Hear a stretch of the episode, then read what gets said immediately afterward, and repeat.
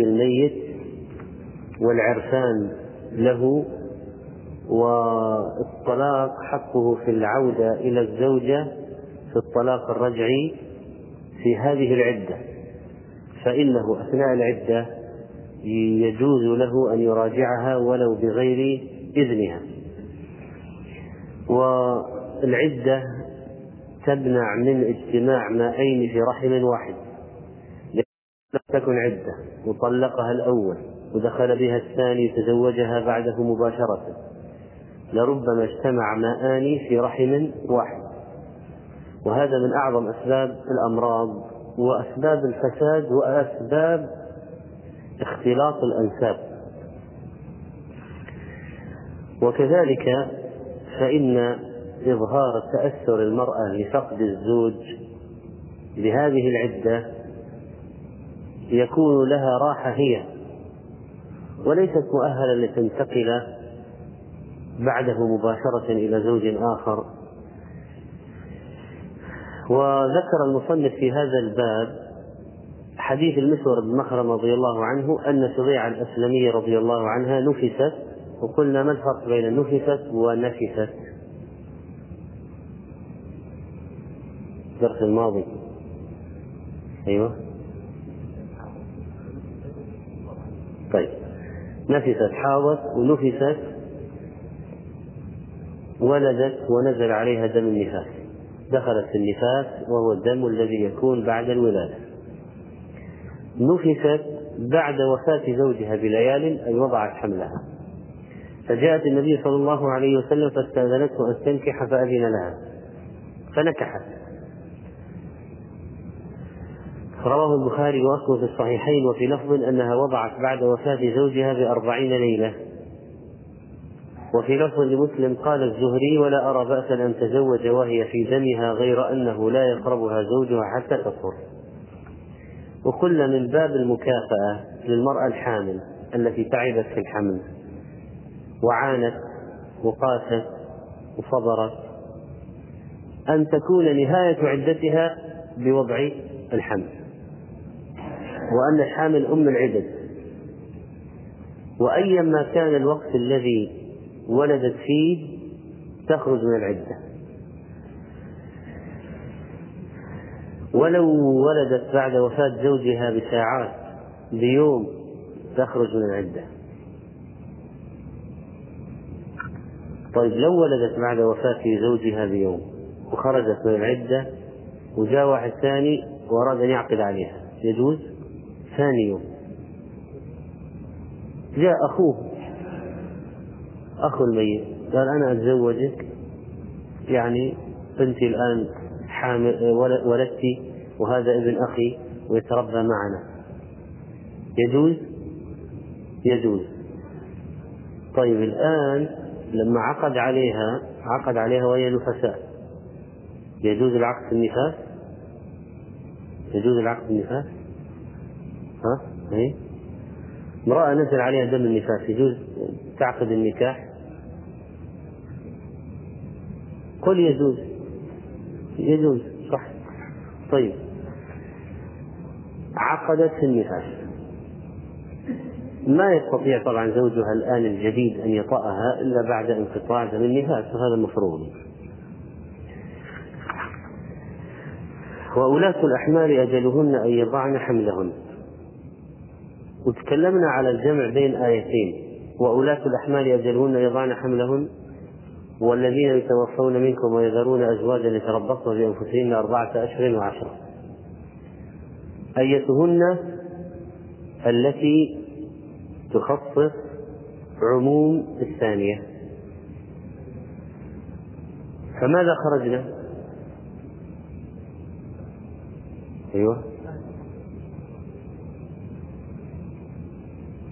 أيوه. حديث سبيعة. إحنا استعملنا ثلاث نصوص الآيتين والحديث. فالآن عندنا عموم. وأولاة الأحمال أجلن يضعن حملهن.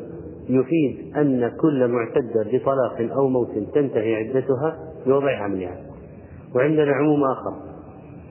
والذين يتوفون منكم ويذرون أزواجا يتربصن بأنفسهن أربعة أشهر وعشرة والذين يتوفون حامل ما هي حامل؟ إذا مات زوجها. والذين يتوفون منكم ويذرون أزواجا عموم أزواجا يعني زوجات. سواء كانت حاملا أو حائلا خلاص.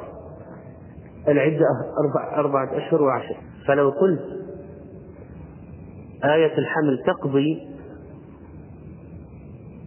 على الآية الأخرى فمعناها أن المرأة إذا بدأت بالأربعة أشهر وعشر متى ما ولدت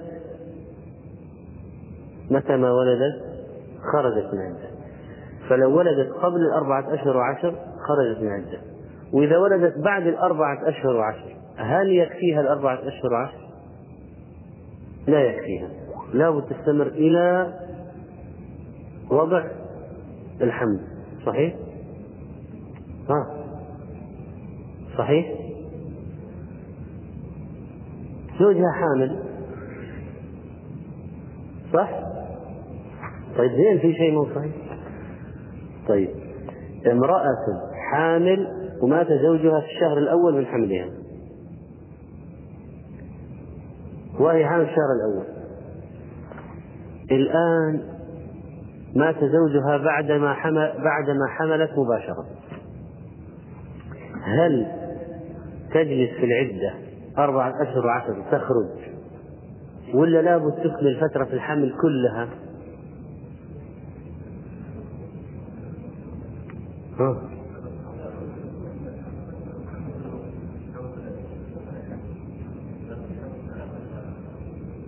الحمل. الأربع أشهر لأن معرفة معرفة هذا مهم.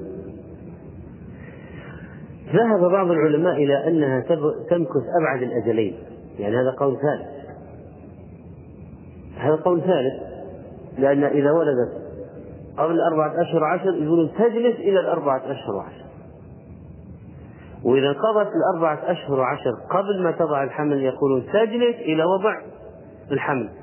فذهبوا إلى أنها تمكث أبعد الأجلين. لهذا التعارض قالوا تمكث أبعد الأجلين. لكن جمهور العلماء والأئمة الأربعة ذهبوا إلى أن العموم في قوله والذين يتوفون منكم ويذرون أزواجا العموم هذا أزواجا أيما كانت حامل غير حامل هذا عموم أزواجا أن هذا يخصص بآية وضع الحمل وولاة أحمال جميع يضعن حملهن وبحديث سبيعة. لأن حديث سبيعة هو تطبيق عملي للآية وولاة الأحمال أجلهن أن يضعن حملهن ينتهي أجلها بوضع حملها سواء كان قبل أربعة أشهر وعشر أو بعد أربعة أشهر وعشر. فقالوا الآية هذه والذين يتوفون منكم ويذرون أزواجا يتربصن بأنفسهن أربعة أشهر وعشرة عمومها يبقى إلا الحامل. عمومها يبقى في غير الحامل. غير الحامل هذه عدتها أربعة أشهر سواء كانت مدخول بها ما هو مدخول بها؟ تحيض. لا تحيض لأن عمرها سبعين سنة. خلاص. هذه عدتها أربعة أشهر وعشر. على العموم ما عدا الحامل لأن لها نص خاص بها وأولاة الأحمال أجلهن أن يضعن حملهن. وحديث سبيعة إنها بعد أيام من موت زوجها ولدت. فالنبي عليه الصلاة والسلام أذن لها بالنكاح.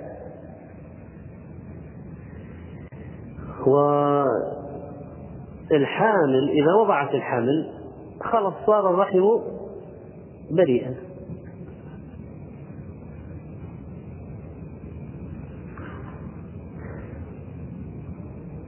طيب. الحديث الذي يليه حديث عائشة رضي الله عنها قالت أمرت بريرة أن تعتد بثلاث حيض. رواه ابن ماجه ورواته ثقات لكنه معلول.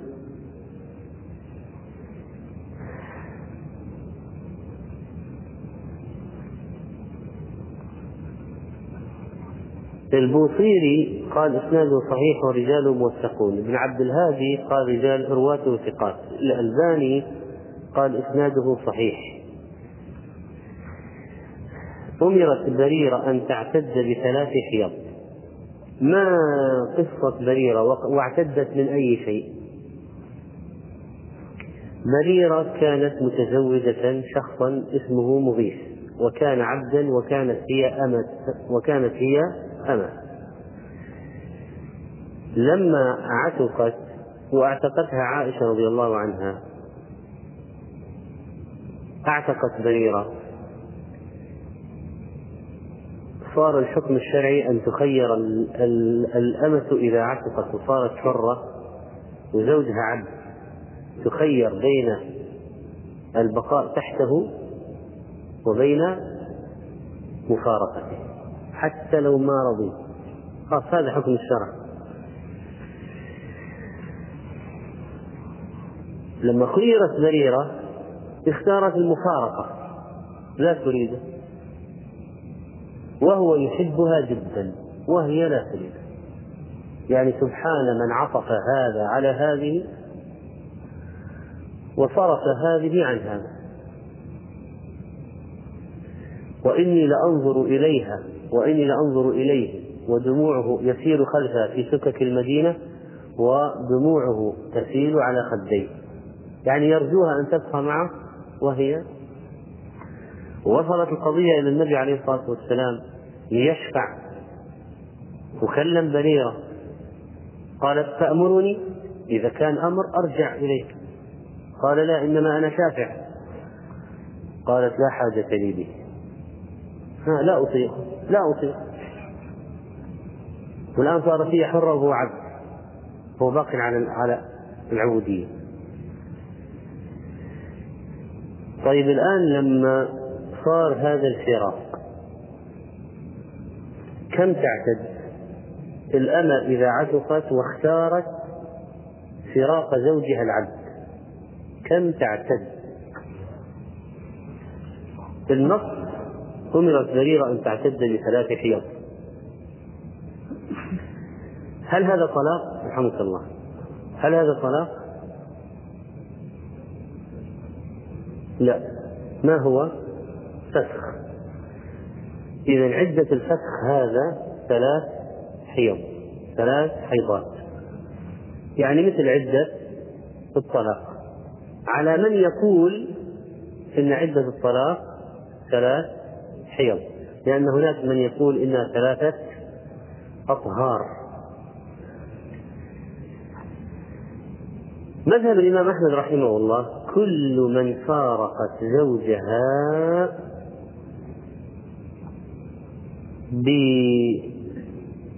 بكل من فارقت زوجها بعد خلوته بها وعلمه بها وقدرته على وطئها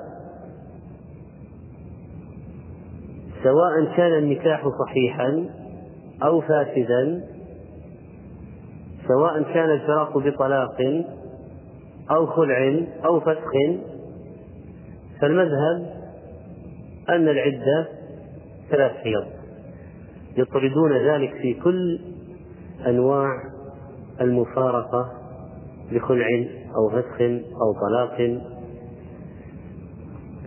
إذا كانت غير مدخول بها ولا خلا بها خلوة كاملة يتمكن معها من الوقت وهو يعلم كم كم العدة. ها ما دخل بها ولا خلا بها خلوة يتمكن معها من الوقت. كم العدة؟ ها ليس هناك عدة. طيب. في مذهب الإمام أحمد من فارقت زوجها بخلع أو فسخ أو طلاق يمكن القاضي هو اللي يفسخ في حالات هي تريده وهو يريدها وتقتضي المصلحة الشرعية الفسخ.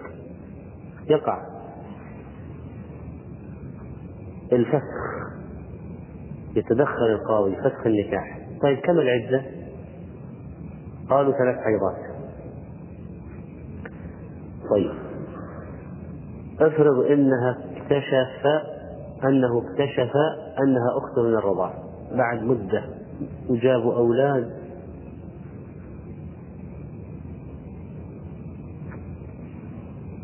انتهى النكاح سقط كأن لم يكن. طيب في عدة؟ لابد أن يكون هناك عدة. الخلع تحديدا المذهب يقول ثلاث حيضات.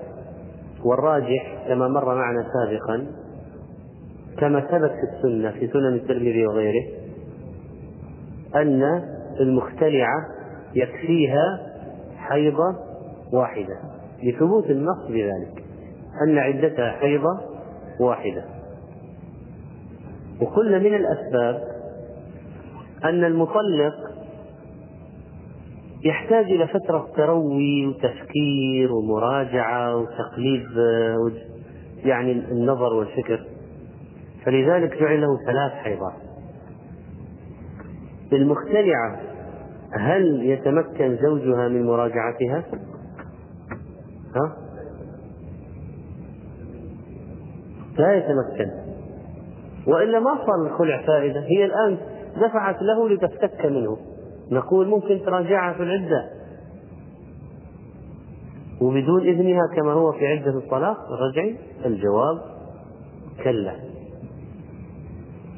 بما أن الخلع ما يتمكن الزوج من المراجعة إذا لماذا تطول العدة؟ فلذلك كان ثبت في السنة أن عدة المختلعة حيضة. طيب.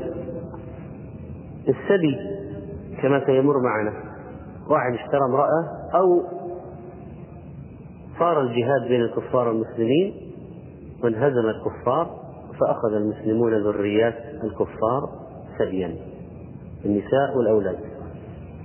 وقسم هذا على المقاتلين. فوقع في نصيب أحد المجاهدين في سبيل الله امرأة من السبي من الكفار. هل بمجرد ما تسلم إليه في قسمة الغنائم سلمت إليه يطأها؟ لا. يعني ما يدري ماذا في رحمها. فلا بد أن تستبرئ بكم حيضة. طيب. والعياذ بالله زنى رجل بامرأة. ولما وقعت الواقعة وعثر عليهما وقد استحقا إثما كان التخويف والوعظ والتوبيخ فتابا إلى الله.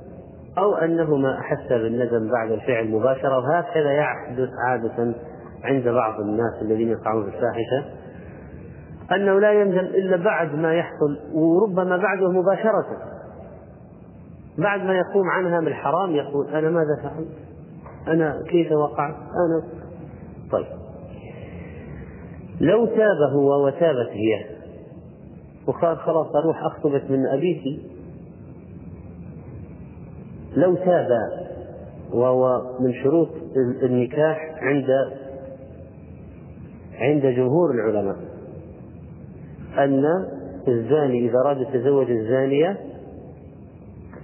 لابد من توبتهما الآن لما راح يخطبها من أهلها هو. والآن هي هو وطئها بالحرام هل يجوز أن يتزوجها مباشرة ثاني يوم يعقد عليها ويدخل بها خلاص وهكذا يفعل بعض أهل الفتيات. يقول خلاص تزوجها وخذها واستر عليها واستر على نفسك واستر القضية وأخذ في عندنا مشكلة وهي قضية براءة الرحم. فإن قالوا هذا هو نفسه نقول لكن الوطء بالحرام النطفة غير.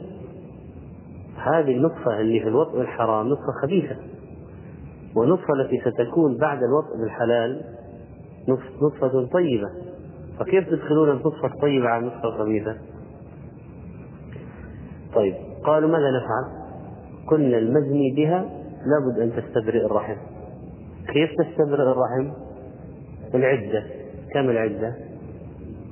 حيضة كما ذهب إلى ذلك عدد من أهل العلم كابن القيم رحمه الله فقالوا المختلعة حيضة والمسبية حيضة والمزني بها حيضة والموطوءة بشبهة حيضة. وهذا الذي اختاره شيخ الإسلام ابن تيمية رحمه الله. وقالوا هؤلاء ما لهم عدة زواج. ما هي العدة من, من أثر نكاح؟ هذه مثلية وهذه موطوءة بشبهة وهذه مزني بها. ولذلك فإن العدة حيضة واحدة. ولا يصح أن نقيس السفاح على النكاح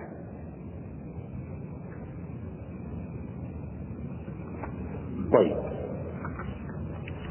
قالوا عن الشعبي عن فاطمة بنت قيس رضي الله عنها عن النبي صلى الله عليه وسلم في المطلقة ثلاثا ليس لها سكنى ولا نفقة. رواه مسلم. المطلقة نوعان رجعية ودائم والبينونة قد تكون صغرى وقد تكون كبرى. المطلقة الرجعية بعد الطلاق الأول أو الثاني تدخل في العدة وتكون رجعية فإذا أراد الزوج أن يراجعها في أثناء العدة الطلاق الأول أو الثاني راجعها.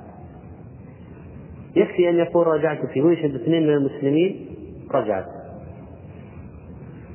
طيب إذا انتهت العدة بانت منه لكن هذه بينونة صغرى لأنها ممكن ترجع إليه بعقد جديد. فإذا طلقها ثلاثا كانت البينونة كبرى ولا تعود إليه إلا بعد زوج آخر يتزوجها نكاح رغبة راغب فيها بدون تواطؤ ثم يحصل بينهما خلاف أو شيء يؤدي إلى الانفصال ثم يتزوجها الأول بعد انتهاء عدتها من الزوج الثاني. إذا أرادها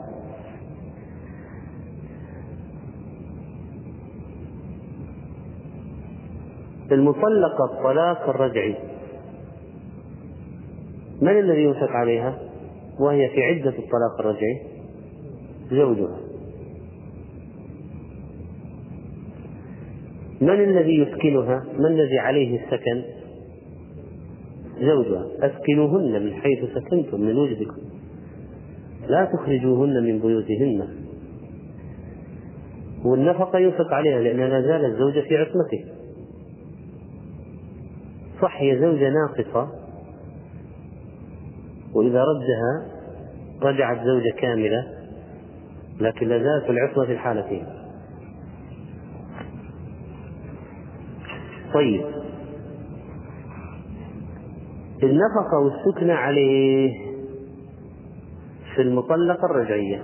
وإذا طلعت من عصمته وخلصت العدة فليس عليه نفقة. وستنتقل إلى وليها السابق. فإذا نفقتها ستكون على وليها قبل الزوج أو الذي الذي صار يتولى أمرها بعد طلاقها.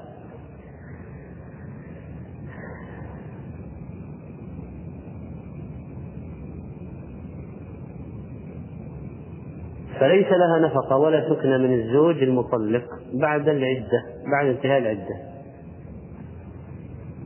طيب إلا إذا إلا إذا إيش؟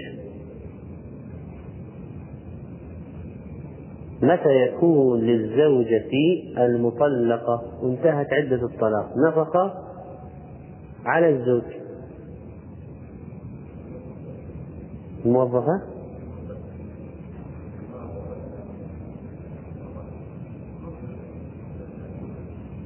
أيوة. وإذا كانت حامل طيب.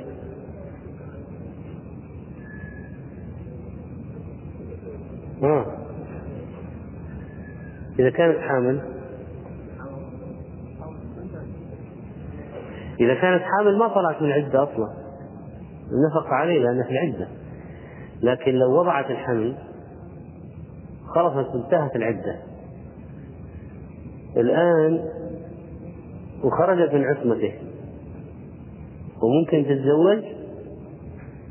ممكن لو أرادت طيب هذه المرأة التي طلقها زوجها في عدة الطلاق قبل انتهاء الحمل نفق عليه. طبعا أكيد لأنها في العدة ما زالت زوجة. طيب لو ولدت انتهت العدة خرجت من عصمته. الآن هي ترضع ولده. فهل لها نفقة؟ النفقة الآن نعم لها نفقة. بس بسبب إيش؟ الرضاع وليس بسبب الزوجية. لها نفقة بسبب الرضاع وليس بسبب الزوجية. طيب.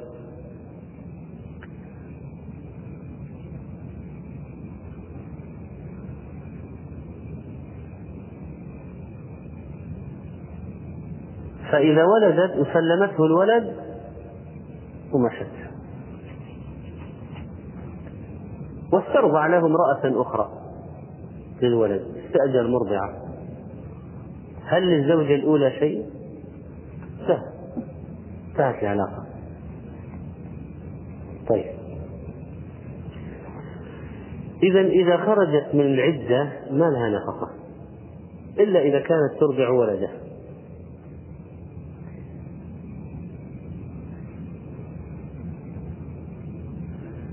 المطلقة ثلاثا.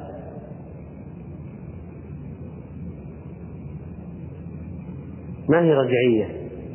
لأنها ثلاثا. إذا طلقت الطلقة الثالثة عليها عدة؟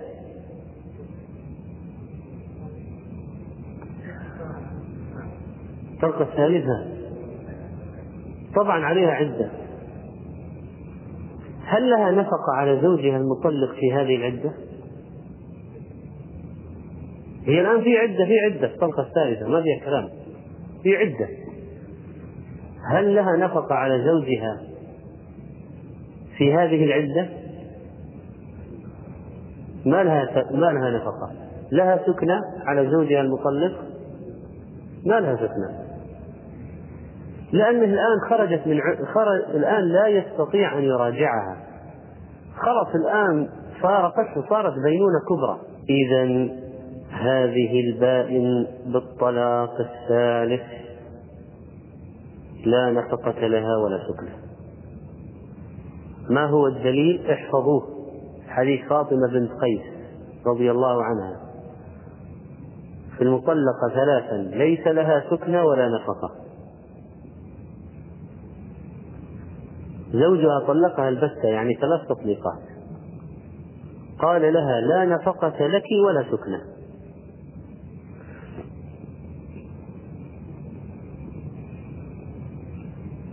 الثالثة لا نفقة لك ولا سكنة. وهذا دل عليه الحديث الصحيح.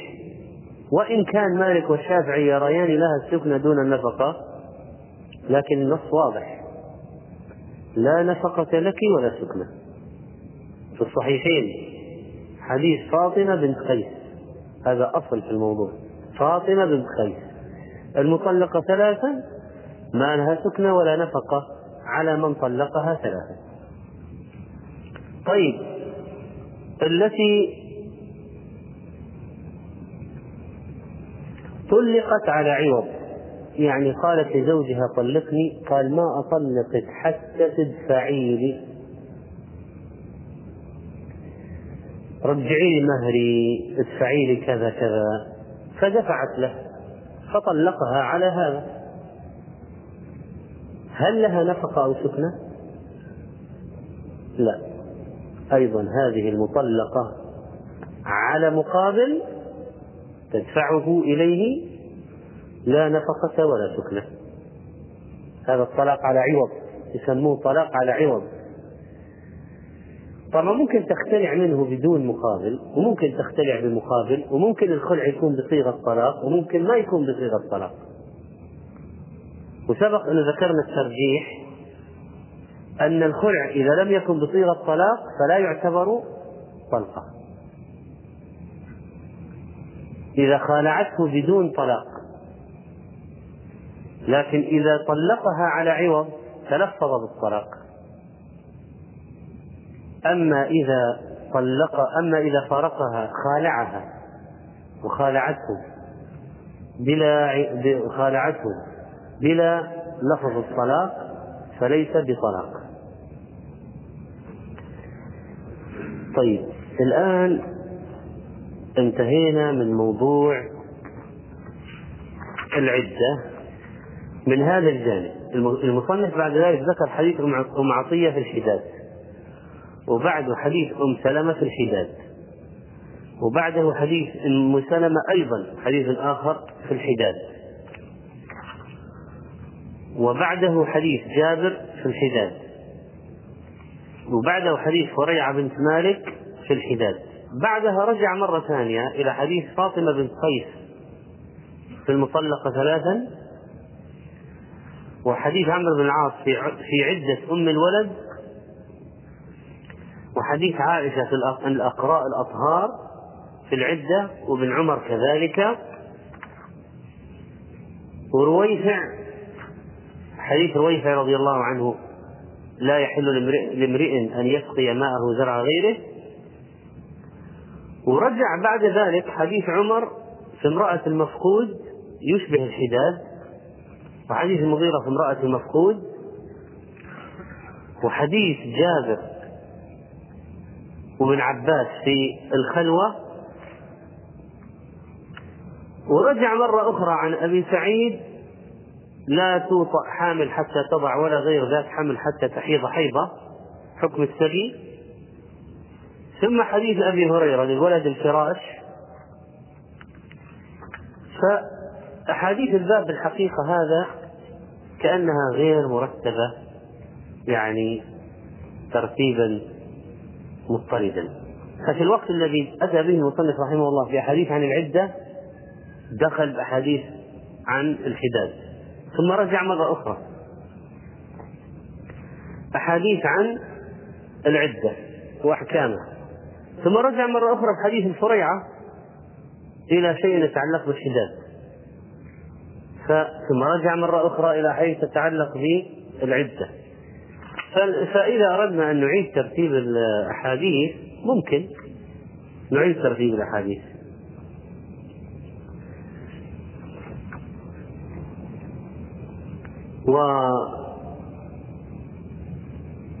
وممكن نقول هنا بعد ما انتهينا من حديث فاطمة بنت قيس سيأتينا حديث أم عطية وأم سلمة وأم سلمة الثاني. وجابر والفريعة كلها في الحداد. فلو أردنا أن نتجاوزها سنذهب إلى حديث فاطمة بنت قيس. الذي يكمل حديث فاطمة بنت قيس الذي انتهينا منه الآن قبل قليل فلعل هذا أنسب. نقفز الآن إلى حديث فاطمة بنت قيس. رضي الله عنها قالت قلت يا رسول الله إن زوجي طلقني ثلاثا وأخاف أن يقتحم علي. فأمرها فتحولت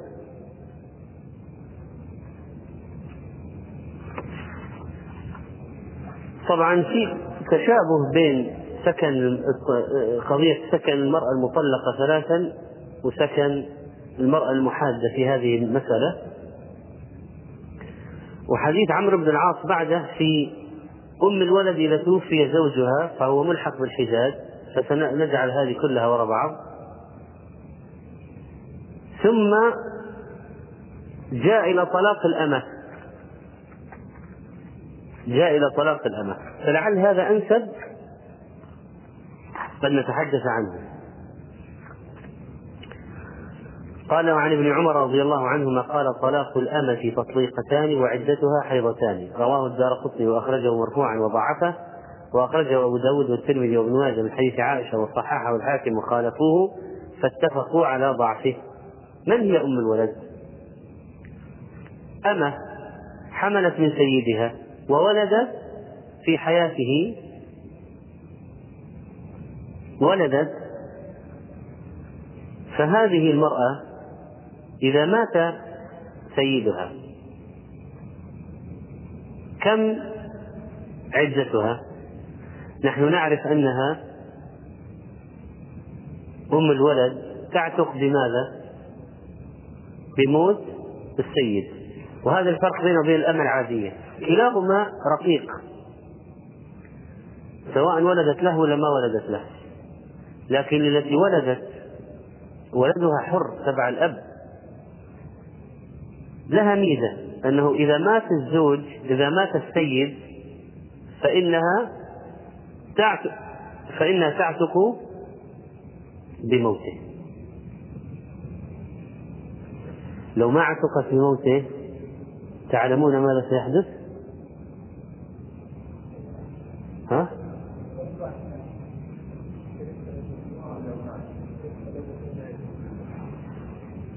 سيرث سيملكها ابنه ممكن يملك الابن أمه يصير هو يبيع ويشتري فيها. يعني يصير كارثة مصيبة. لو أم الولد اللي ولدت ما عتق ما كان ما تعتق كان إذا مات السيد الذي أنجبت له لو مات السيد ستورث في ممتلكاته. وممكن تذهب إلى الولد الذي ولدته هي. فيصبح الولد يملك أمه وممكن يبيعها.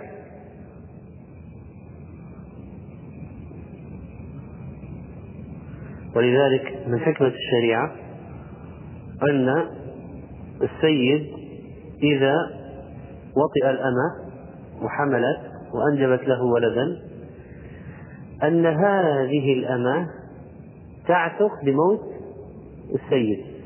هو السؤال الآن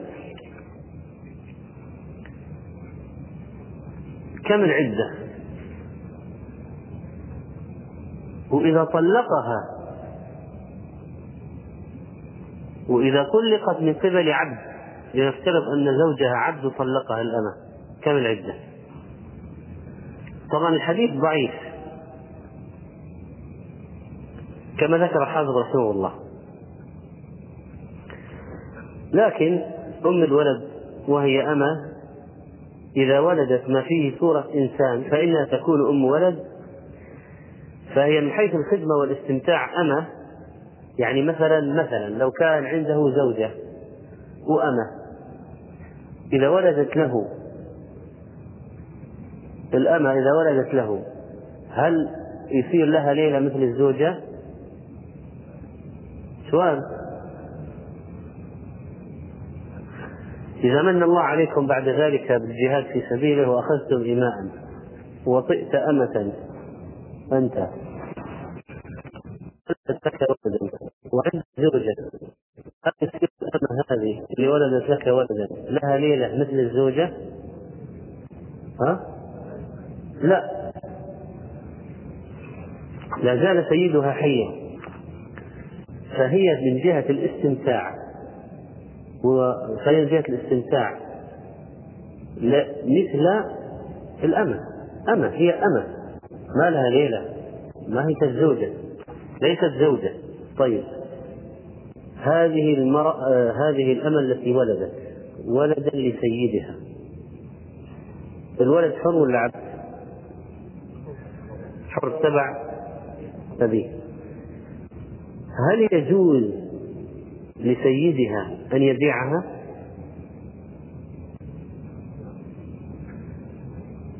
ها؟ لا يجوز لا يجوز شوف لو جاز أن يبيعها لو مات سيدها الأول ستبقى عند الثاني أمة لكن الشارع أصلا جعل لها حكما أنه بموت سيدها تكون حرة فيفوت هذا. لو جاز بيعها يفوت هذا. إذا أم الولد اللي هي الأمة التي ولدت بسيدها لا يجوز بيعها لا يجوز سيدها أن يبيعها. طيب هل يجوز أن يؤجرها؟ لو جاء واحد قال أجرني أمتك آه إنها تحسن النسج وأنا أبغى أشغلها نساجة. وأستفيد من غزلها. أو قال أنا أبغاها تخدم عندي. أجرني إياها أجرني الأمة اللي عندك أبغاها تخدم عندي في البيت. وهي أم ولد. هل يجوز أن يؤجرها؟ الجواب نعم يجوز. أما أن يبيعها؟ لا. طيب هل يجوز أن يهبها؟ لا. هل يجوز أن يجعلها وقفا؟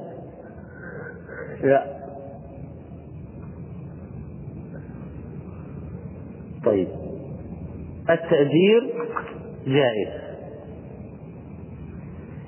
إذا مات السيد أبو الولد فإنها في هذه الحالة تعتق لموت سيدها.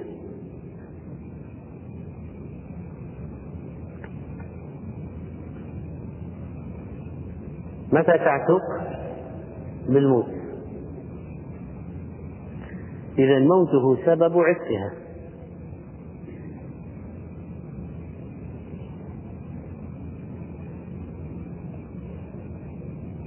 فالسؤال هو ما هي عدتها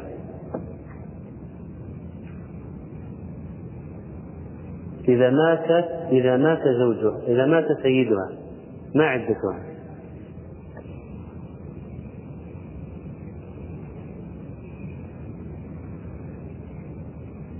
زوجها ما هو عبد. لو زوجها عبد وهي أمة ومات العبد وهو زوج الأمة كم تعتد الأمة؟ لا. ها؟ والنصف يعني ها؟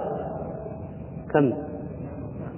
شهران وخمسة أيام العبد طلق زوجته الأمة كم عدتها؟ حيضتان لأن الحرة إذا طلقها زوجها ثلاث حيضات والثلاثة ما تتنصف ما في حيضة ونصف فلذلك تصبح حيضتان إذا الأمة إذا طلقها زوجها العبد فعدتها حيضتان وإذا مات زوجها العبد فعدتها شهران وخمسة أيام. أم الولد زوجها حر. طبعا. تعتق بوفاته. كم عدتها؟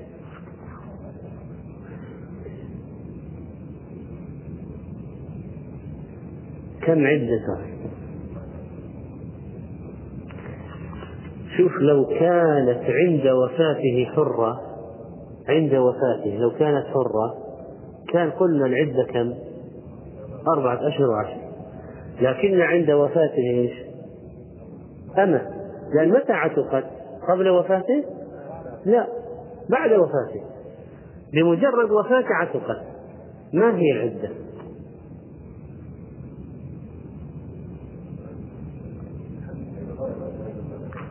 الحيضتان عدة الأمة المطلقة من قبل عبده زوجها العبد طلقها.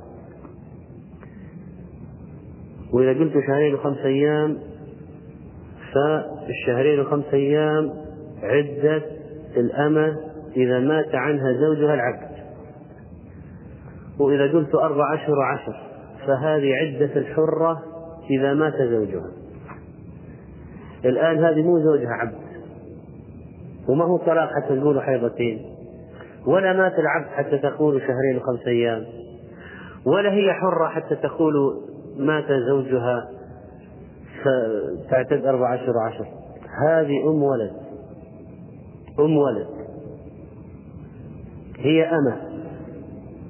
ما عتقت إلا بوفاة السيد.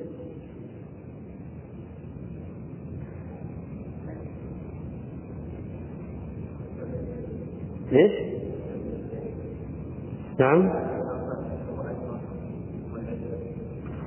أم الولد بما أنها لم تعتق بما أنها لم تعتق إلا بموت السيد فإنها أمة من الإماء كانت ولذلك فليس لها عدة. ها؟ ليس لها عدة وإنما تستبرئ بحيضة واحدة ليعلم براءة رحمها إن كانت لا تحيض وإن كان طبعا إحنا ليش نتكلم الآن في قضية العدة؟ لأن يمكن تبغى تتزوج الحين مات السيد وهي أم ولد، إيش صارت؟ حرة ما اختلفنا. طيب يمكن تبغى تتزوج فكيف تتزوج؟ يعني بعد ما يموت آه، السيد ثاني يوم تتزوج؟ لابد من عدة فالسؤال كم العدة؟ فقلنا ما هي أربعة أشهر وعشر لأنها عند وفاته ما كانت حرة وهي أصلا أمة طيب وإذا قلت شهرين خمس أيام ليس هذا عبد مات عن زوجته الأمة حتى تعتد بشهرين خمس أيام وإن قلت حيضتان نقول هذا ما هو طلاق. عبد طلق أمة العدة حيضتان. هذه أم ولد مات سيدها وقد أنجبت له من قبل. هذه الأم الولد هذه إذا مات سيدها تعتق بمجرد موته. ولذلك ما لها عدة. ما لها ليس لها عدة وفاة. طيب وإذا تبغى تتزوج؟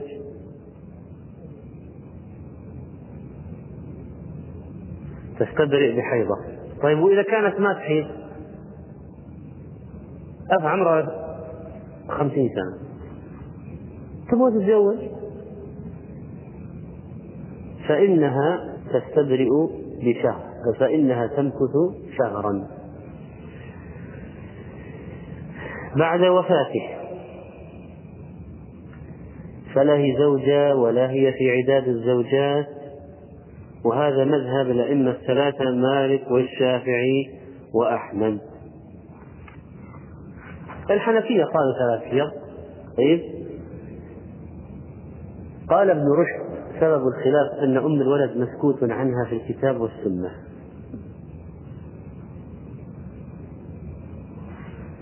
وعلى حال جمهور العلماء قالوا إنها ليس لها عدة وفاة وإن إذا أرادت مثل الزواج تستبرئ بحيضة إذا كانت لا تحيض بشهر. طيب سبق نحن تكلمنا عن موضوع عدة الطلاق وهل هي حيضات والأطهار والعبد والحر والمطلقة الحامل وغير الحامل والمدخول بها وغير المدخول بها وخلصنا من هذا الموضوع. بس للتذكير غير المدخول بها اللي ما وطئها الزوج كم عدتها؟ إذا طلقها؟ ما لا عدة. وإذا مات عنها؟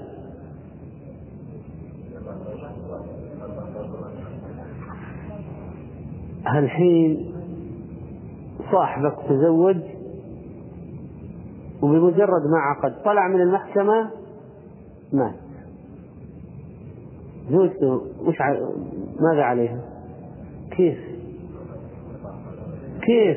هذا عقد مقدس. لازم عدة وترث منه. طيب. عقد عليها وخلى بها خلوة كاملة يتمكن بها من الوطء وهو يعلم. بس ما وطئ وطلقها ها. لها عدة؟ عليها عدة؟ طيب. وكم نصيبها من المهر؟ كاملا. طيب. هذا للتذكير فقط. وعن رويفع بن ثابت رضي الله عنه عن النبي صلى الله عليه وسلم قال لا يحل لامرئ يؤمن بالله واليوم الآخر أن يسقي ماءه زرع غيره. أخرجه أبو داود والترمذي وصححه ابن حبان وحسنه البزار. هذا الحديث يدل على تحريم وطء الحامل. والأمل المشتراه لا يطأها مباشرة إلا بعد الاستبراء. ولو كانت حامل فإنه لا يطأها أيضا من باب أولى. وإذا كان ولي وإذا كان أخذ امرأة من الثدي في قسمة الغنائم وهي حامل فكذلك لا يطأها. يعني إدخال ماء على ماء حرام. أصلا الزانيات الآن من الأسباب العظيمة للأمراض والسرطانات اللي تجيهم إنها تزني بهذا ثم يزني بها آخر وثالث ورابع. يمكن في اليوم تزني ثلاث أربع مرات. وهذا ماء على ماء على ماء اختلاطه في رحم واحد سرطانات وأمراض. أمراض يعني مثل مثل الفرفس هذا وغيره يعني الأمراض التي تأتي في الزنا اختلاط المياه في رحم واحد. وربك حكيم عليم.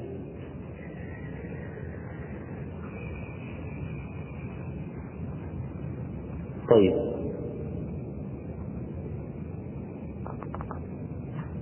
لو كان هناك امرأة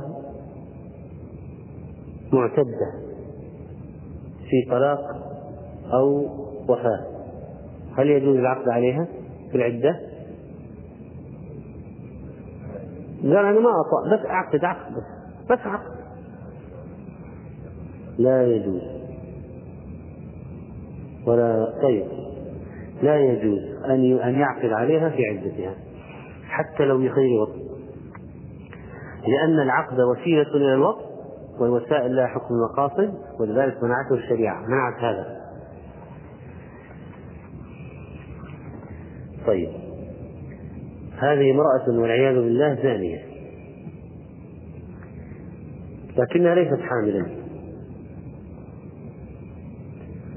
تابت وأرادت الزواج وهي زانية. ترى هذا لشيوع الفساد في هذا الزمان ينبغي معرفة مثل هذه الأحكام. امرأة زانية أرادت الزواج. اللي يدري عنها أو هي تسأل. سألت أو وليها عرف حالها. وأرادت الزواج.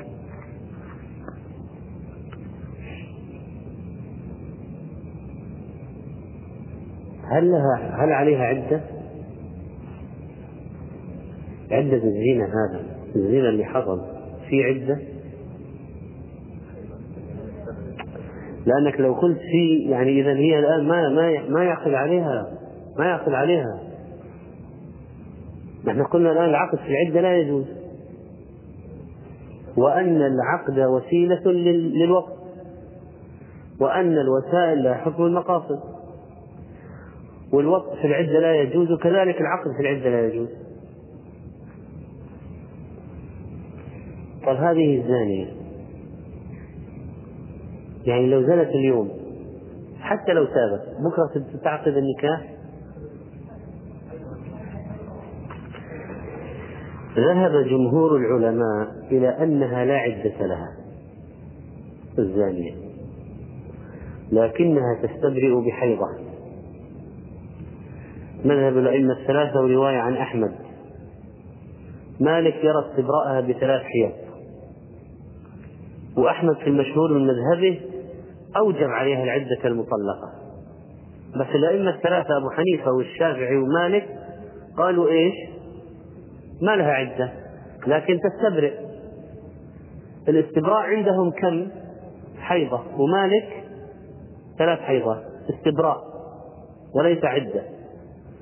أحمد قال الزانية عليها عدة. كم العدة؟ كالمطلقة. ابن تيمية رحمه الله وابن القيم ذهبوا مذهب أحمد وقالوا عليها العدة. على الزانية. ليش قالوا لأنه وقت؟ ما دام في وقت في عدة.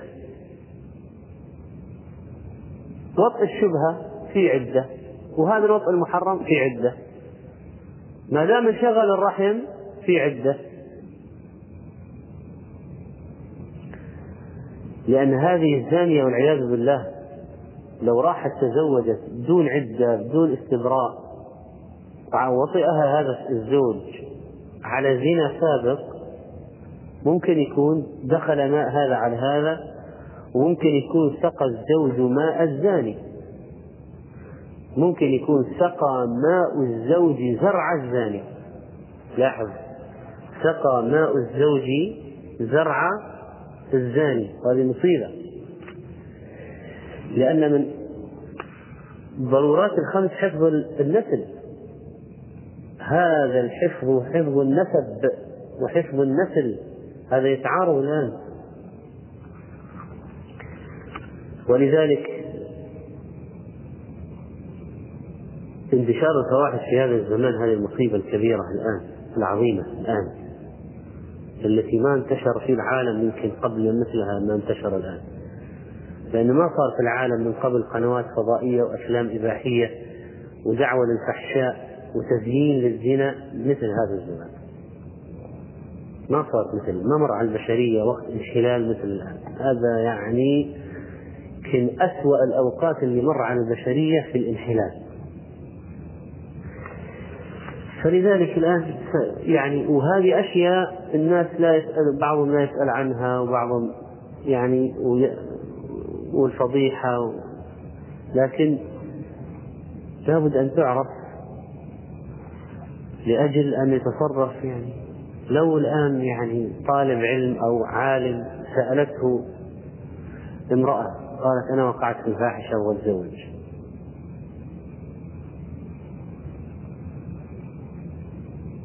إيش يفعل؟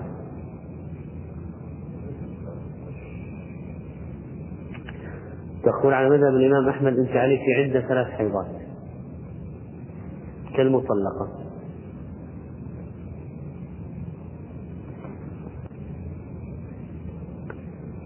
وتلتقي طبعا الفترة هذه مع فترة استبراء اللي عند مالك. ولكن الجمهور يقولون تستبرئ بحيضة أو أو حنيفة مذهب حنيفة والشافعي. وفي رواية عن أحمد أيضا تستبرئ بحيضة أما مشهور المذهب عدة كالمطلقة. مشهور المذهب عدة. ورواية عن أحمد توافق مذهب أبي حنيفة والشافعي ومالك. أنه استبراء وليس بعدة وأنه حيضة. أبي حنيفة والشافعي ورواية عن أحمد حيضة. فلا ما في أقل من حيضة يعني. يعني هذه التي وقعت فاحشة ما أقل من استبراء بحيضة ما في. هذا أقل شيء كلام العلماء استبراء بحيضة. حتى تعقل وربما تجد من الأسئلة المأساوية الكارثية أنها زنت قبل العقد بيوم.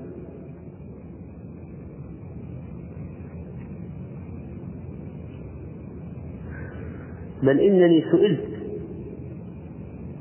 يعني جاءت أسئلة عمن زنت قبل الدخلة بيوم. يعني بين العقد والدخلة وهي تقع في الفاحشة والعياذ بالله. وهذا ما يؤكد علينا أهمية الاهتمام بوضع المرأة ومحاربة دعاة تحرير المرأة الخبثاء هؤلاء الأنجاس الذين يقولون ما هي مختلطة بالطواف؟ ليش تمانعوا في المكاتب والمدارس؟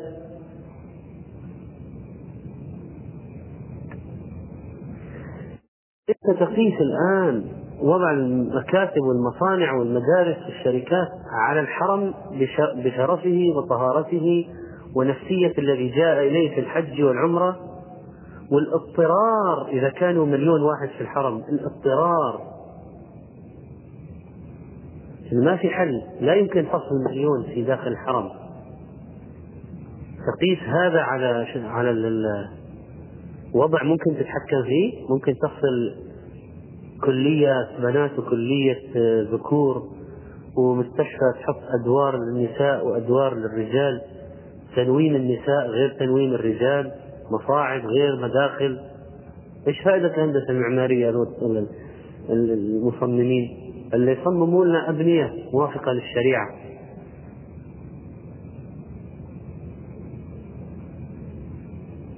هذه أشياء نتحكم فيها. أما حرم في الحج في طواف الإفاضة ما يتحمل مليون واحد كيف؟ تتحكم ولذلك إذا استطعنا أن نتحكم في الحرم يجب فصل الرجال عن النساء. لو كان عدد قليل طوفي من وراء الرجال وأنت راكبة. قال لأم المؤمنين طوفي من وراء الرجال. يعني ما تخالطهم. وكان عمر يفصل النساء عن الرجال في الطواف في الطواف. ثم الاختلاط في الطواف كم يأخذ؟ ساعة.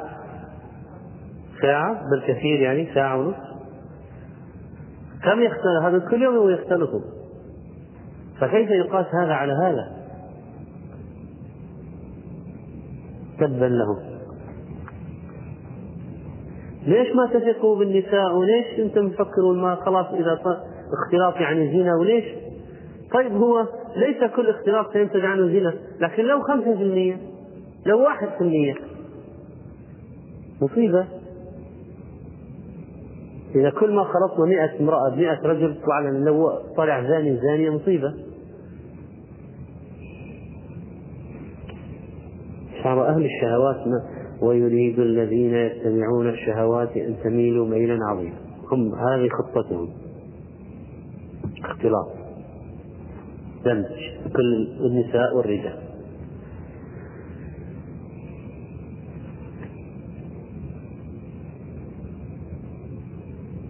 أمس واحد سألني قال أنا في شركة ويحطوني سكرتير وأعطوني أوراق. أختار سكرتير كافر ولا امرأة مسلمة؟ لا سكرتير كافر أهون. قلت ما في سكرتير مسلم يعني الخيارات هذه التي حين يضعها بعضهم في الأسئلة خيارات صعبة. أختار امرأة مسلمة ولا أختار سكرتير كافر؟ ما في اختيار ثالث؟ سكرتير مسلم؟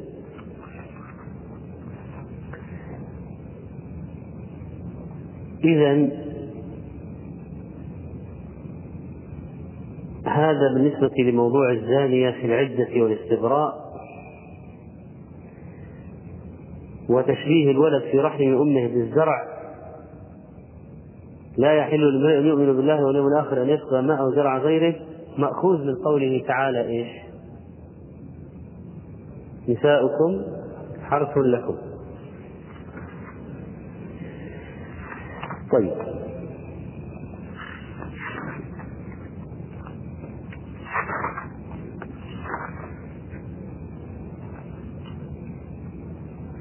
ننتقل إلى حديث أبي سعيد رضي الله عنه أن النبي صلى الله عليه وسلم قال في سبايا أوطاس لا توطأ حامل حتى تضع ولا غير ذات حمل حتى تحيض حيضة. أخرجه أبو داود وصححه الحاكم وله شاهد عن ابن عباس. نعم فقد فقد قفزنا الأحاديث التي تتعلق بالمرأة المفقود آه، والخلوة.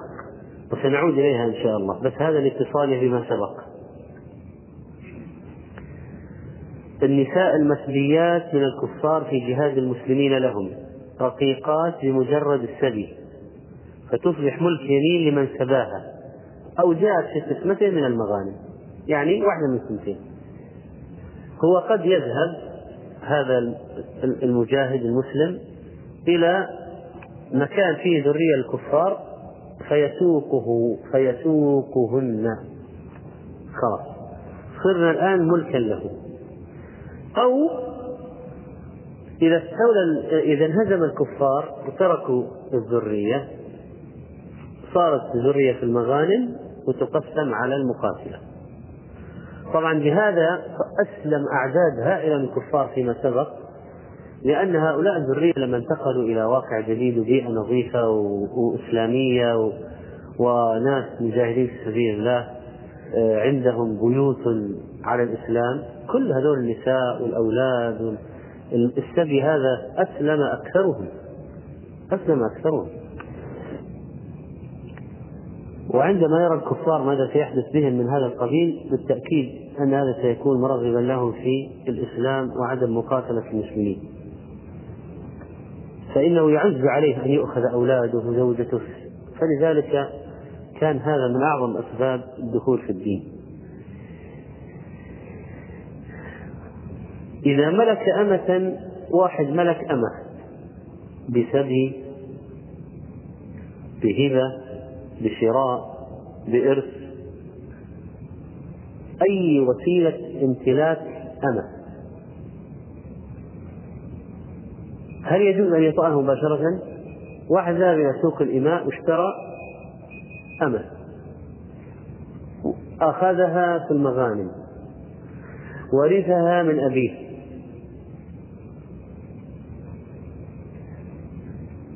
وهبت له هبة يطأها مباشرة؟ لا. طبعا إرث الأمة من الأب. إرث الأمة إذا وطئها الأب هذه طبعا مسألة لكنه قد يرث من غير أبيه. قد يرث أمة من غير أبيه. المهم إذا امتلك أمة لأي سبب للملك مغانم استيلاء المسلم هبة شراء امتلك أمة هل يطأها مباشرة؟ لا قال لا تطأ حامل حتى تضع ولا غير ذات حمل حتى تحيض حيضة إذا لا بد من الاستبراء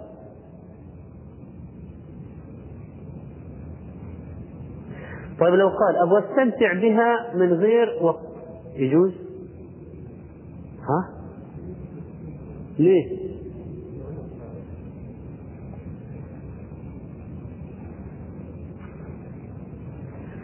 لا يجوز له وطئها ولا الاستمتاع بها لا ولا بمباشرة ولا بقبلة قبل الاستبراء.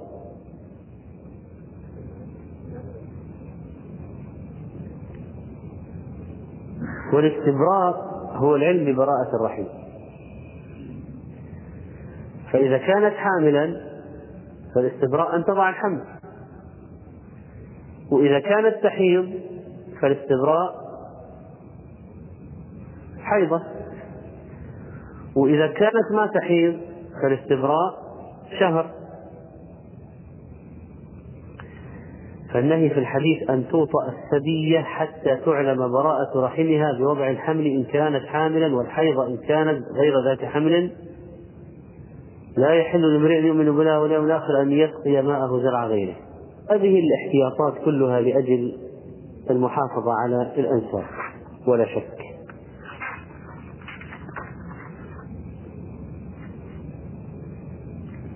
وحديث الولد للفراش الذي ساقه المصنف أخيرا حديث أبي هريرة عن النبي صلى الله عليه وسلم قال الولد للفراش وللعاهر الحجر متفق عليه. هذا الحديث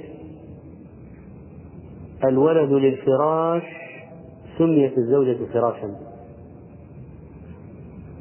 وهذه كناية لطيفة. وللعاهر الزاني الفاجر الحجر له الخيبة والحرمان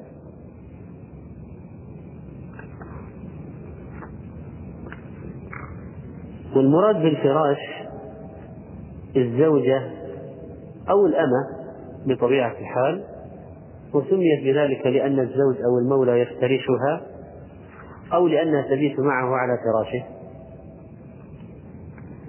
الولد للفراش بشرط إمكان الإلحاق بصاحب الفراش.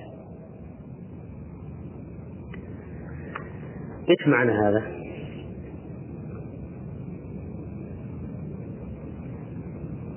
لو كان كانت هناك زوجة فوقعت في الفاحشة والعياذ بالله وحملت زوجها أتاها أصلا يأتيها ما هو مسافر عنها يأتيها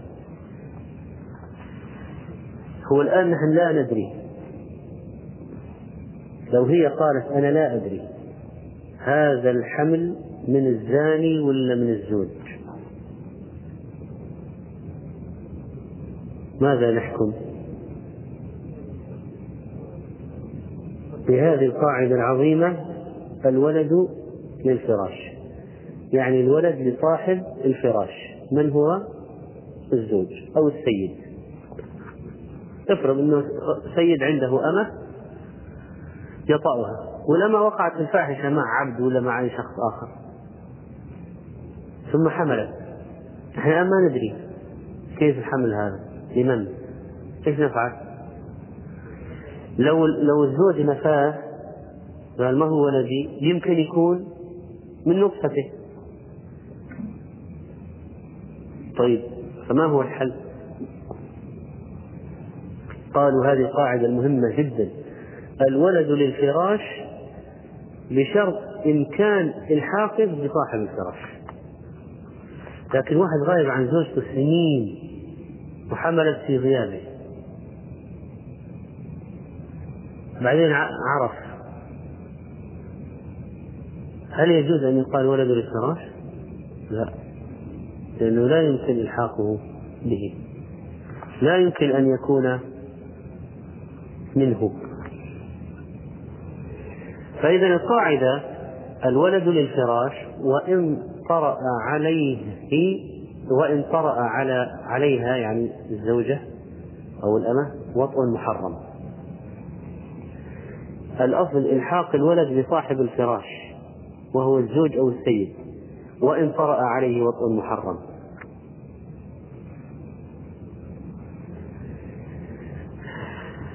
قال ابن تيمية أشار أحمد أنه لا تكون الزوجة فراشا إلا مع العقل والدخول المحقق.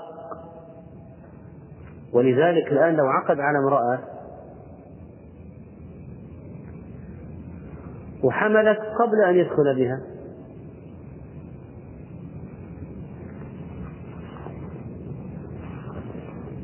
الحالة التي أنا ذكرتها قبل قليل واحد قلت أنه من من الانحلال الذي صار في هذا الزمن انتشرت مصائب.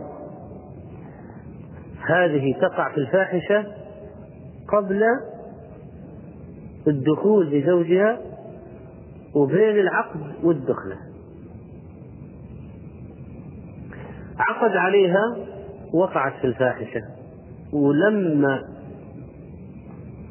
قبل يعني أن يأتي وقت الدخول تبين حملها.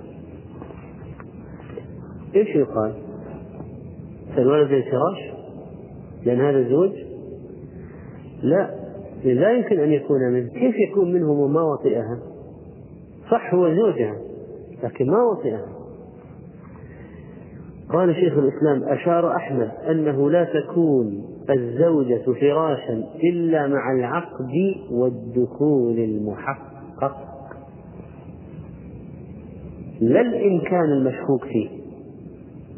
قال ابن القيم وهذا هو الصحيح المجزوم به.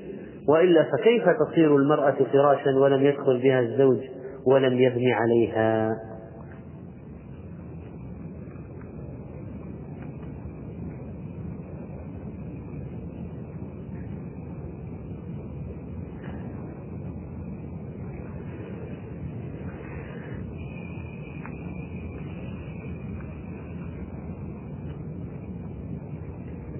طيب. هذا بالنسبة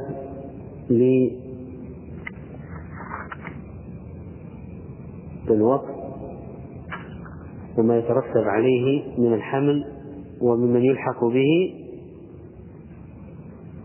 والإجهاض ممكن يكون تابع لما تقدم وجمهور العلماء على عدم جواز الإجهاض وإذا كان بلغ 120 يوم يكون إجهاضه قتلا للنفس وقبل ذلك فإنه لا يجوز إسقاطه إلا إذا وجدت الضرورة. كالخشية على حياة الأم. وقال بعضهم بجواز إسقاط الجنين المشوه قبل نفخ الروح. جواز إسقاط الجنين المشوه قبل نفخ الروح. هذا من قرارات مجلس رحمه الله. مجمع الفقه الإسلامي. وأما بعد 120 يوم لا يجوز إسقاطه إطلاقا لأن هذا قتل نفس إلا إذا كان إما هو يعيش أو الأم. هذا القرار الصعب جدا. إذا إذا إذا توصل إليه الأطباء هذه قضية أخرى. لكن بعد ال 120 يوم لا إجهاض. إلا في هذه الحالة الصعبة جدا. قبل ال 120 لا إجهاض. إلا إذا خشي على حياة الأم أو في حالة الجنين المشوه في ما في قرارات مجمع الفقه الإسلامي المعاصر قالوا إذا تبين بالفحوص الطبية الفنية والأجهزة والوسائل المختبرية والأطباء المختصين الثقات أن الجنين مشوه تشويها خطيرا غير قابل للعلاج وأنه إذا بقي وولد سيعاني آلاما ويعاني أهله معه فيجوز إسقاطه بناء على طلب الوالدين قبل المئة وعشرين. والمجلس إذ يقرر ذلك يوصي الأطباء والوالدين بتقوى الله والتثبت في هذا الأمر. طيب ماذا بقي عندنا الآن من أحاديث الباب؟ حديث أم عطية أشر عليها المرة القادمة إن شاء الله. حديث أم عطية في الحداد وأم سلمة في الحداد وأم سلمة الثاني في الحداد. وكذلك حديث جابر في الحداد. وحديث فريعة بنت مالك في الحداد. وحديث فاطمة بنت قيس الثاني لأنه يتعلق يشبه له علاقة كذلك السكنى بالنسبة للمحادة. وحديث عمرو بن العاص في عدة أم الولد. طيب. و يأتينا بعد ذلك مما بقي امرأة المفقود حديث عمر والمغيرة بن شعبة في امرأة المفقود أيضا وحديث جابر في قضية الخلوة. وبالتالي نكون قد أنهينا أحاديث الباب إن شاء الله. فنحن الآن تقريبا انتهينا من موضوع العدة أو العدد.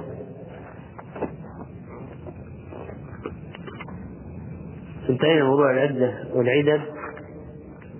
بقيت أشياء تتعلق بالمتوفى عنها زوجها والمفقود. وحديث الخلوة سيكون هذا تبعا. طيب. العدة تحسب.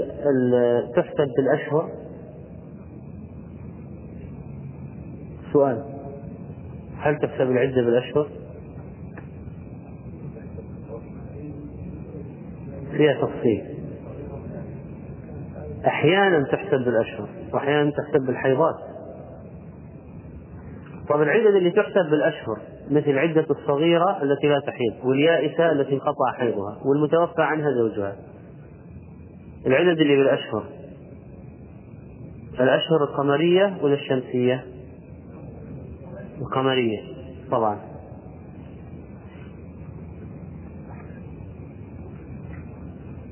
وليس بالأشهر الشمسية. طب إذا كانت الطلاق إذا كان الطلاق أو الوفاة في أول الهلال فهو ماشي مع الشهر. كل ما هل هلال جديد صار شهر جديد. سواء 29 ولا 30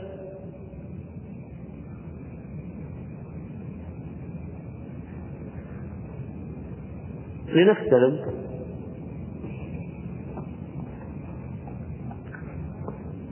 أن أم الولد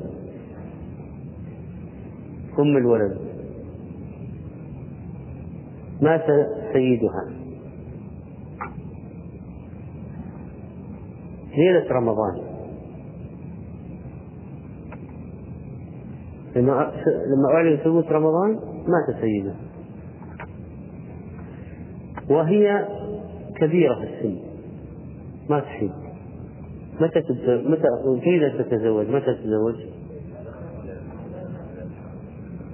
إذا أعلن دخول هلال شوال. سواء كان رمضان 29 ولا كان ثلاثين. واحدة مات زوجها في ليلة رمضان. متى تخرج؟ بعد أربعة أشهر وعشر أيام. يعني متى؟ رمضان شوال ذي القعدة الحجة. يعني تصوم عاشوراء وتطلع. إن أرادت الصيام. إذا تنتهي بغروب شمس يوم عاشوراء. صح؟ بغروب شمس يوم عاشوراء. تطلع من عدة الوفاة. بالأشهر القمرية. طيب لو طلعت في أشهر 29 أشهر 30 نقول ما يهم. خلاص انقضى شهر. الشهر هكذا أو هكذا 30 أو 29 السؤال الآن لو مات زوجها في وسط شهر من الشهور كيف نحسب؟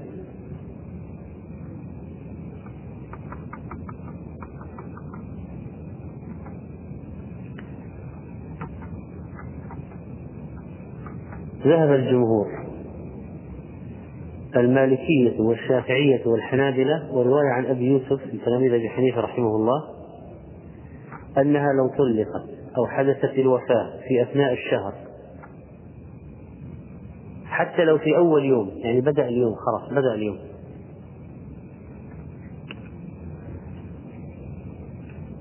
اعتبر شهران بالهلال. ويكمل المنكسر ثلاثين يوما من الشهر الرابع ولو كان المنكسر ناقصا. وكذلك في عدة الوفاة بالأشهر. فإنها تعتد بقية الشهر المنكسر. المنكسر يعني هو الآن ما هو كامل لأنه حدث أثناءه. أثناءه يعني في أول يوم في ثاني يوم في عاشر يوم. تعتد بقية الشهر المنكسر بالأيام وباقي الشهور بالأهلة. ويكمل الشهر الأول من الشهر الأخير. يكمل الشهر الأول من الشهر الأخير. يعني كيف؟ واحدة مات زوجها في عشرة. يوم العاشر. طيب. أنت تبغى أربع أشهر وعشر أيام. كيف يمضي أول؟ كيف تطمن العدة؟ عندك شهور كاملة. من الهلال للهلال. الحين لو مات في عشرة رمضان. عندك شهر منكسر اللي هو رمضان الذي مات الزوج أثناءه. وحيبدأ بعد شهر كامل اللي هو شوال لهلاله من الهلال للهلال. ثم شهر ذي القعدة من الهلال للهلال.